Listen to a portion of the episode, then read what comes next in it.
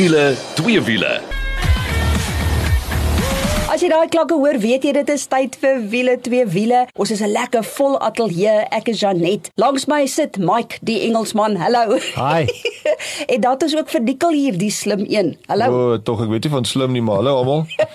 so waarna kan jy uitsien? Julle, daar was 'n Ford bekendstelling, die Ford Everest, maar spesifiek die Wild Track afwerking. Mike was daai gaan ons daarvan vertel. Ek het weer die fantastiese voorreg gehad om by Volvo se C40 dag te wees en dis hulle vol elektriese voertuig. So gaan jou daarvan vertel. Dan praat so van Ford. Daar was die aankondigings van die Old Mutual Insure South African Car of the Year. Ja, dit is die kar van die jaar. Wie het koning gekraai? Ek kan vir jou sê dit is Ford as jy dit nou nog nie weet nie. Ja nee, ek dink hulle hou nou nog partytjie hoor.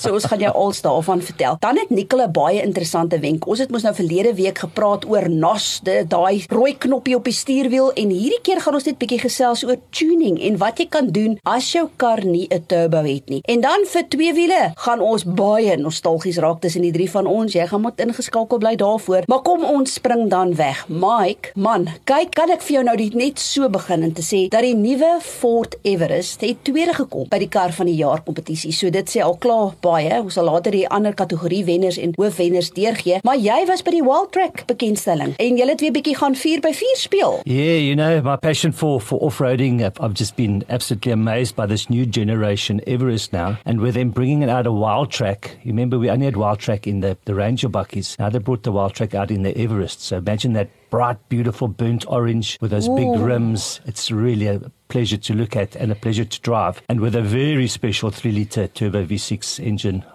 Sublime. Heeltyd speeltyd. Jy praat nou van die top of the range daarso, maar vertel gou vir ons, wat is die reeks nou van Everest? So the Wild Track's not the top of the range, can you believe it's that beautiful pristine platinum one, you know with all the bells and whistles. So the entry level now, XLT two yeah. models, a 4x2 and a 4x4, which is my pick of the of the bunch because it's got 18 inch rims and tires on, all terrains on. You can go bundu bashing, you can go 4x4ing. Then you get the sport. Now imagine black mirrors, black tires, but with 20 inch rims, black, so not too good for off road. And then the 21 inch on the wild track, which you can drop to 18 if you want to go playing. Six of them in, in the range now. In price gewys, Mike? So starting just over 830,000 Rand for the entry level XLT, going up to over 1.1 million for the platinum. But well well worth it. Eh? Wow. Incredibly spect. Hoor die een ding wat uitstaan van Ford bekendstellings is jy kry tyd om te speel. So ek wil weet waar jy gaan speel by die Everest. So remember last week we chatted about potholes finding me.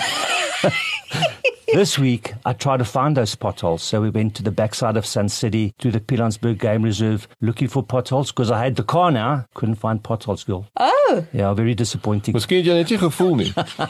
Maybe with those 18 inch uh, tires on, I didn't feel it, but the roads are pretty, pretty poor there. But off road, sand road. I mean, I thought that the 2 litre biturbo was going to battle with decompression downhill, low range, first gear, it crawls down. Absolutely absolutely incredible. Mike ek wil ook by jou hoor vir my die ding wat uitstaan met die nuwe Everest is dat dit voel vir my voort het gegaan en het die hele range opgetel nader na die premium klas toe. Ons weet almal het altyd Everest vergelyk met Fortuner maar dit voel vir my hy's net 'n bietjie hoër nou. Vertel ons die spek byvoorbeeld wat jy nou in Everest kry. So they've taken the fight to Toyota in a very big way and um, for the Prado Everest is far superior. It's just got more tech, more styling, more comfort, more gadgets. And people say more gadgets, you're not going to be able to. The car drives itself. It doesn't. You still have to. You still have to be able to drive those cars, and you can drive it harder and in difficult, more difficult places now. So it opens up the door for absolute adventure. It's it's an incredible drive. Ja, so ek weet hulle sê dat die nuwe Ford Everest kompeteer meer met jou Toyota Prado, maar soos jy sê, selfs al vergelyk jy daar, dan staan hulle uit. Ek dink dis een van die redes dat hulle so goed gedoen het in die kar van die jaar kompetisie. Maar dan wil ek nou graag weet wanneer dit by waarborg en diensplanne kom want dit is een ding wat 'n mens bekommerd oor is. So yes, so what Ford's done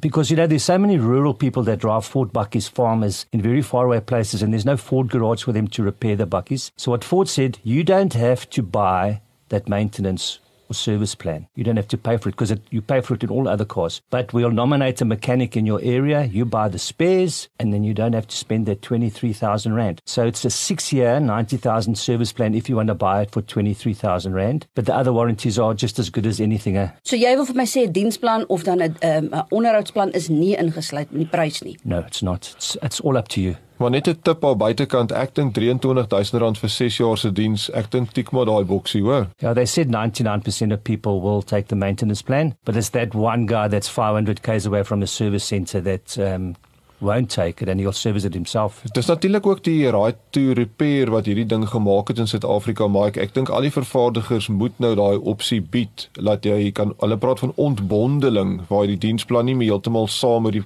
prys van die kar is nie. So dis 'n nuwe ding vir ons in Suid-Afrika om gewoon te raak, maar ja, miskien kan dit vir jou werk. Nee, absoluut. Doen jouself 'n guns en gaan loer bietjie op ons Facebook bladsy. Dit is wiele twee wiele. Dan sien jy daar hoe die Ford Everest maar nou in sy wild track pakkie vir jou pronk. Goed, nou is dit eers tyd vir elektries raak en ag oh man, het ek nou die fantastiese voorreg gehad om met Volvo se C40 Recharge te ry. Nou, net om 'n idee te gee, dit is die eerste kar wat Volvo ontwerp het, is 'n vol elektriese kar en hy's absoluut pragtig. Maar wag, wag, wag, wag. C40. Jy nou eers vir my verduidelik waarvan praat ons hier want ek onthou die ou Volvo C30s vir daai hatchback was. Ek weet nie of jy dit nog onthou nie. Nou, hoe lyk 'n C40? Hierdie is amper 'n klein sportnutsie. Verstaan? Dink XC40, dit dis daai tipe look, maar weer eens soos ek sê, die C40 Recharge staan heeltemal apart want hy's ontwerp as 'n elektriese kar. En ek kan vir jou een ding sê, Nicole, ons het op 'n stadium gestop by 'n padstal. Toe daar mense na my toe gekom en vir my gevra, "Wat is dit hierdie?" Want hy het die mooiste unieke lyne, hierdie tipiese Volvo handtekening wat jy kry aan die agterkant met die ligte. Hy het het sulke stippellyntjies wat hom pragtig laat lyk. Hy het hierdie panoramiese sondakkie ook en uh, hierdie sequoia sequential flikkerligte wat mos so beweeg. Nou ek lag nou daarvoor want dit is ook maar net mooi vir die ou wat van agter af wat agter jou ry. Jy kom ons nou nie dit self agter nie. Maar ek kan vir julle sê hy het twee motors, met ander woorde op elke as het hy een. Jy kyk na 300 kW en dan 660 Nm wringkrag. En um, net in kort, dit beteken basies 0 tot 100 km/h in 4.7 sekondes. Nog 'n ding as jy nou hoor elektries elektries dan wil ek net begin en vir jou die volgende sê dat wanneer jy hierdie Volvo C40 Recharge koop, kry jy in elk geval 'n wallbox charger. Ons het mos nou verlede week ook daarvan gepraat dat jou lewe baie makliker sal wees as jy 'n ordentlike wallbox charger het, want dan kan jy doen wat ons doen met 'n selfoon. Jy kan by die huis kom, jy kan inplak, ja, en alles staan 2 of 4 ure se se beurtkrag, dan kan jou kar nog steeds genoegsaam charge. Wat ek vir jou wel kan sê om die kar te kry van 10% tot 80%, né? Vat basies 37 minute as jy by 'n uh, DC chargers. Dis een van hierdie fast chargers byvoorbeeld by een van die winkelsentrums. So dit vat regtig nie so baie nie. En uh, die rykafstand is eintlik die groot verrassing want jy kry 444 km se rykafstand met die Volvo C40 Recharge. Ja, nee, ek dink al die elektriese karre begin amper na daai spesifikasies, maar het jy homself gery, nee? Natuurlik. Maar ja. ek het net nou gehoor dat natuurlik 300 kW, ons praat so al ligweg hier van 300 kW en daai tipe verrigting, ehm um, weet dit 'n smaal op jou gesig gesit. Ag, man, kyk, ek het so gelag toe hulle die voorlegging doen en hulle begin praat van die 0 tot 104.7 sekondes. Toe die die aanbieder nogal gesê, "Ja, ek sien hierdie uh, blond wat hier voorsit sit met so groot glimlag." Want jy kan dit beslis voel. Ek wil nou net weer aan meer aan die leefstylkant ook vir jou sê dat hierdie kar Volvo het regtig 'n strategie waar hulle wil sê dat jy moet luxury responsibility. Met ander woorde, jy moet luxury responsible doen. En ek kan vir jou sê dat daar nie 'n stukkie leer in hierdie kar is nie. Dit lyk soos leer, maar dit is nie. Hulle gebruik herwinbare materiale om alles te doen. Jy het byvoorbeeld 'n bekleedsel opsie en dan het jy wat lyk soos leer opsie wat glad nie die geval is dis dis nie leer nie. En wat vir my verskriklik interessant is, die matte nikkel in daai kar word van 100% herwinbare wat hulle noem PET uh, plastiekbottels gemaak en jy kan dit ook uh, agterkom, selfs van die plastiekelemente ook. Ons praat nooit van waar ons 'n bekendstelling het nie, maar ek wil vir julle sê Volvo het nou letterlik, soos die Engelsman sal sê, all out gegaan om seker te maak dat hulle die perfekte plekkies vir hierdie Volvo C40 Recharge bekendstelling. En dit was by ken jy die plek Ludus Magnus? Nee. Pragtige plaas in Franshoek en hulle is 'n 100% van die grid af. Hulle 266 solar panels wat hulle gebruik. So neerlik soos hy kon die karre ook daar geherlaai het en dit was absoluut fantasties. Ek dink die hoogtepunt vir my is daar was 'n hele paar donkies en ek is mos mal oor 'n donkie. Maar ag, dit was net vir my regtig uniek dat Volvo regtig besluit het om die bekendstelling te hou by 'n plek wat so uniek is. Maar ehm um, vertel gou ons toe net gaan jy hierdie kar kan koop in Suid-Afrika? Is hy regtig nou hier bekend gestel? Dis nie net 'n toets van Volvo nie want ek weet Volvo is nogals baie realisties oor ons mark in die sin dat hulle sê die plug-in hybrid is miskien waarna ons eers moet kyk met vol elektries later. So wat is hulle toekomsplanne met hierdie kar in Suid-Afrika? Nee nee nee, jy kan hom beslis al kry. Kyk, ek kan vir jou sê teen die jaar 2030 gaan jy in elk geval nie meer binnebrand engines kry nie. En jou Volvo C40 Recharge, jy kan hom nou al bestel, gaan hom sop op hulle webtuiste en jy gaan hom daar kan kry. En jy kyk na 1.2 miljoen rand. Dis waarna jy kyk. So jy kyk na 1.285 miljoen rand en uh, ek sou sê van al die elektriese voertuie wat ek gery het, hy doen eintlik als reg. Ons het op 'n stadium wat dit verskriklik gereën in die Kaap tydens die bekendstelling ook so ons het grondpaaie en deur modder en plasse en dinge gegaan en ek was regtig verbaas. Net interessant ook, ons het net nog gepraat ook van die onderhoudsplan wanneer dit by uh, Ford kom. Volvo gee vir jou 5 jaar onderhoudsplan. So wat ingesluit is natuurlik in die prys en dan ook ehm um, kry jy Dis natuurlik nog net om die ruitveers te vervang, nee. Maar as jy nie spaakplaks en daai goede olie en well, so. Ja, jou onderhoudsplan sluit mos alles in. Ja, maar ek bedoel daar is nie van daai goed 'n elektriese kar nie. Jy het gesê jy's blond, ons vergewe jou maar. Ja, okay, jy wen.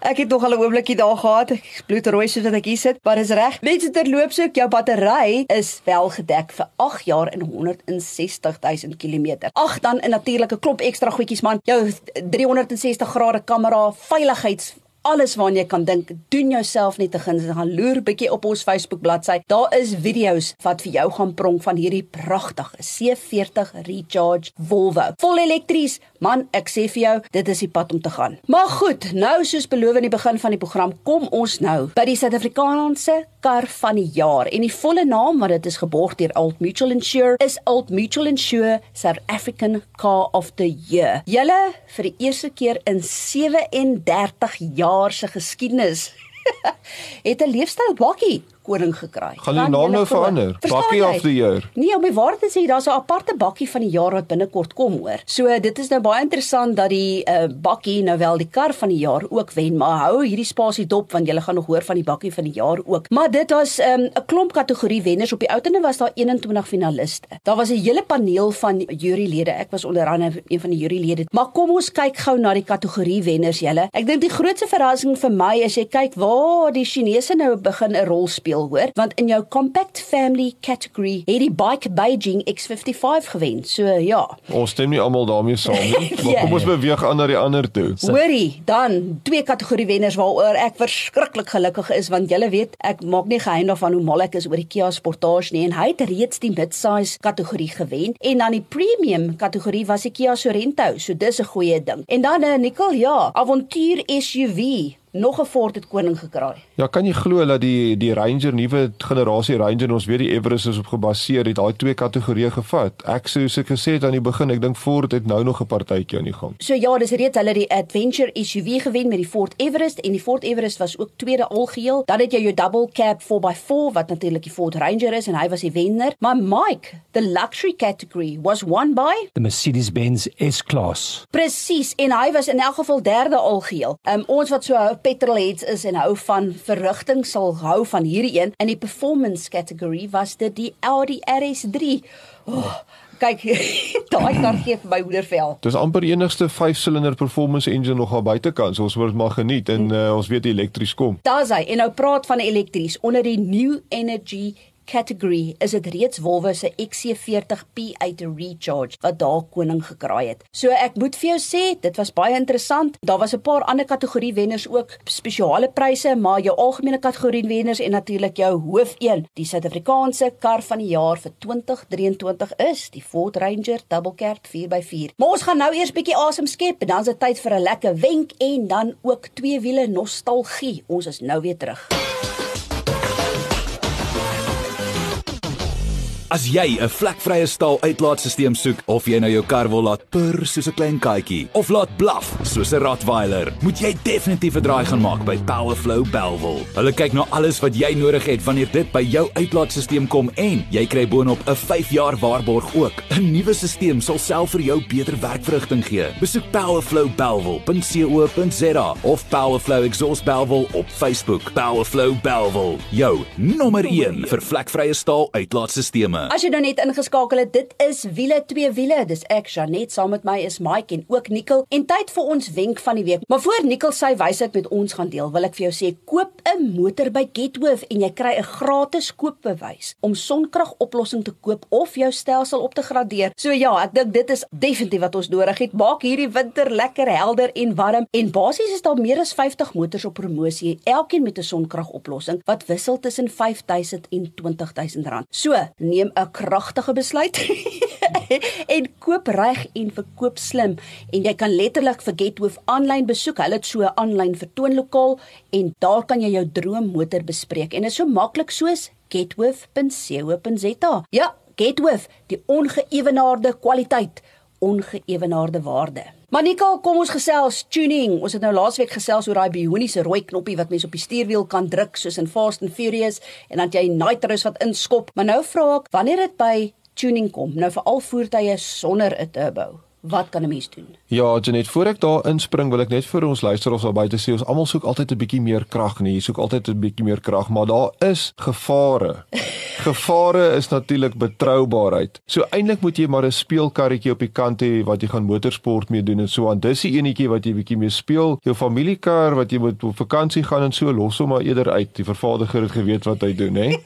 Okay, nou kom ons begin. So met naturally aspirated petrol engines, is daar nie so baie soos wat jy kan doen met turbo engines nie, maar nog steeds, jy kan 'n bietjie met hom speel. En die groot ding van 'n petrol engine is nie om die brandstofinname te verhoog sodat jy meer krag kan uitkry nie. Dis om eers die lugvloei te verhoog om dan brandstof te kan byvoeg om daai krag te kan realiseer. Want onthou 'n petrol engine loop teen daai 14.7 verhouding. So as jy meer as dit gaan brandstof ingooi, word dit net vermors. Jy kort lugvloei, lug, suurstof, né? Nee?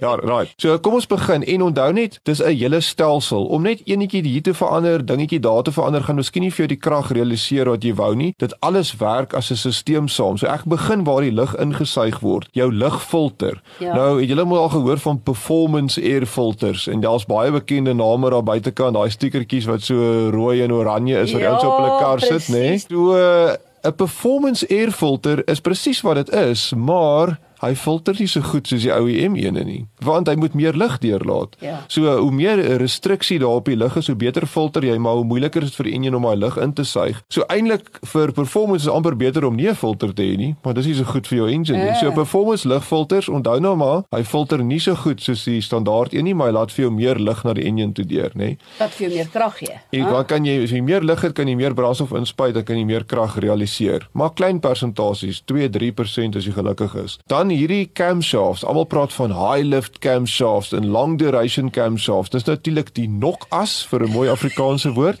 Baie trots op jou. En dis om die klepreëling te verander. Nou, daar's maniere wat jy kan rondspeel. Eerstens as jy die kleppe groter en wyer oopmaak as standaard, dan kan daar meer lug in en uit gaan. Dis nou half logies. Maar as jy dit begin doen, dan sit jy baie meer stres op jou hele valvetrein, soos wat hulle sê, want eweskielik moet jy hom vinniger oopdruk, verder oopdruk en vinniger toemaak. So die stresse gaan hoër, maar jy kry bietjie meer lug binne en buite. Hulle praat ook van die Engelse term valve overlap, waar jy van die energie wat by die uitlaat uit gaan gebruik om die valve op dieselfde tyd die inlaat en die in die uitlaatklep oop te los, sodat daai energie van die vars lugmengsel kan insuig teen 'n spoed. Kan jy meer uh, suurstof weer eens kry in jou aan ontbrandingskamer, dan kan jy weer brandstof insit. So weer so 2-3% wat jy kan bykry. Dan praat die ouens van 'n free flow uitlaat. Nou eintlik moet ons vir kaal uitroep hierso. Ja.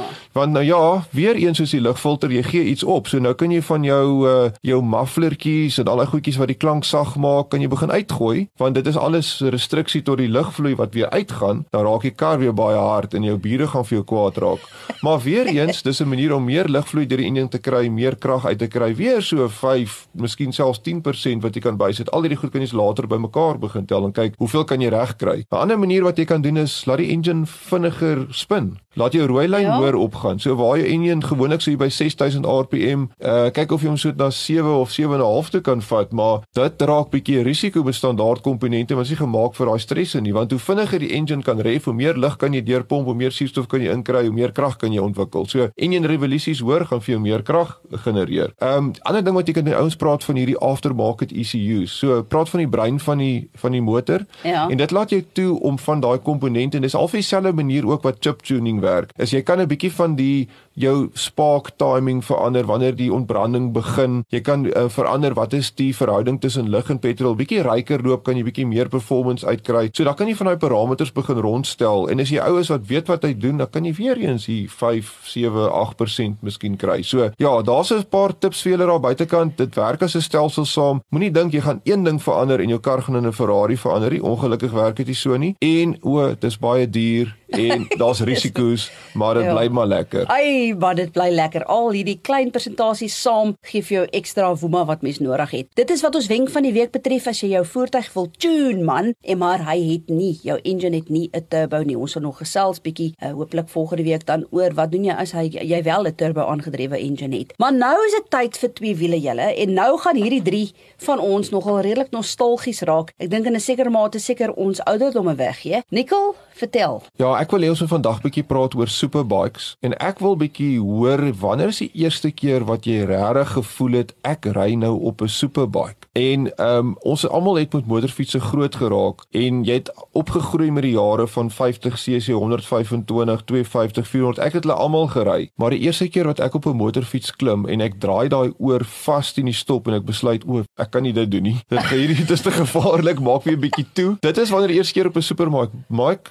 Het jy uh, daai superbike ervaring eers keer kan jy dit onthou wanneer jy dink nou het jy krag onder jou? So growing up our bikes weren't really superbikes if you think of that 1100 Suzuki that old 008 cam one. Wasn't fast that one you could wring its neck. But what did scare me the first time was a Kawasaki ZX10 probably a uh, 1990 late 1990 model. When I when I opened it up flat with Sheldon on the back you couldn't hold on to my waist That's how quick those bikes are. Yeah. Learned massive respect for them. And then if you go into a corner, sometimes when you brake, the, the back wheel wants to overtake the front wheel. So very scary. And then you know this thing is your boss. You're not you, you're not you're not going to be the boss of this one. Eh? Ja, kyk, my eerste motorfiets was 'n Virago wat moes nou eintlik half 'n Royal Wave tipe look van 'n Harley Davidson is maar se 400 gewees. En ek het hom vir 'n maand gehad. Toe koop ek 'n ZZR wat 'n touring bike is. En toe besef ek ook nee nee nee nee nee. Ek is 'n super motorfiets dame. Nou alhoewel my eerste motorfiets super motorfiets maar nie regtig nie was 'n G6R 400, maar as ek nou onthou toe ons ons eerste G6R 1000 gekry het.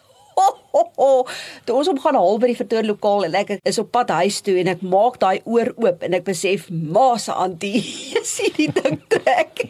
Maar die ding is is dit is moeilik om vir iemand te verduidelik wat dit doen wat nog nooit so iets ervaar het nie. Want ek onthou toe ek nou daai TS50 Suzuki vir my gery het, 'n ou in my straat het 'n GSX-R 57 pre-slingshot, daai eerste Suzuki superbikes wat hy amper sê met die vol fairings en die twee hoofligte voor het hy gehad. En hy het dit ding oopgemaak voor ons straat verby. Ek het hoendervleis gekry. Ek dink ek moet dit ervaar. En ek onthou op 'n latere stadium, 'n paar jaar later, toe ek by 'n Yamaha dealership daar in Johannesburg. En dit was die tyd van die FZR 1000s gewees, daai Genesis of Exap, onthou julle nog daai? En 'n uh, ou 'n nuwe een gekoop van die vloer af. Hy het hom uitgetrek, hy het hom so laat idle dat hy nou kan warm word en so aan. Hy het nou sy leerpak aangetrek. En dis natuurlik daai wit en rooi, daai ja. Yamaha kleure, nê. En ek het daar gestaan en kyk vir die ding. En hy het op hom geklim en ek dink dit was 'n 60 sone, maar dit het nie vir hom geplan nie.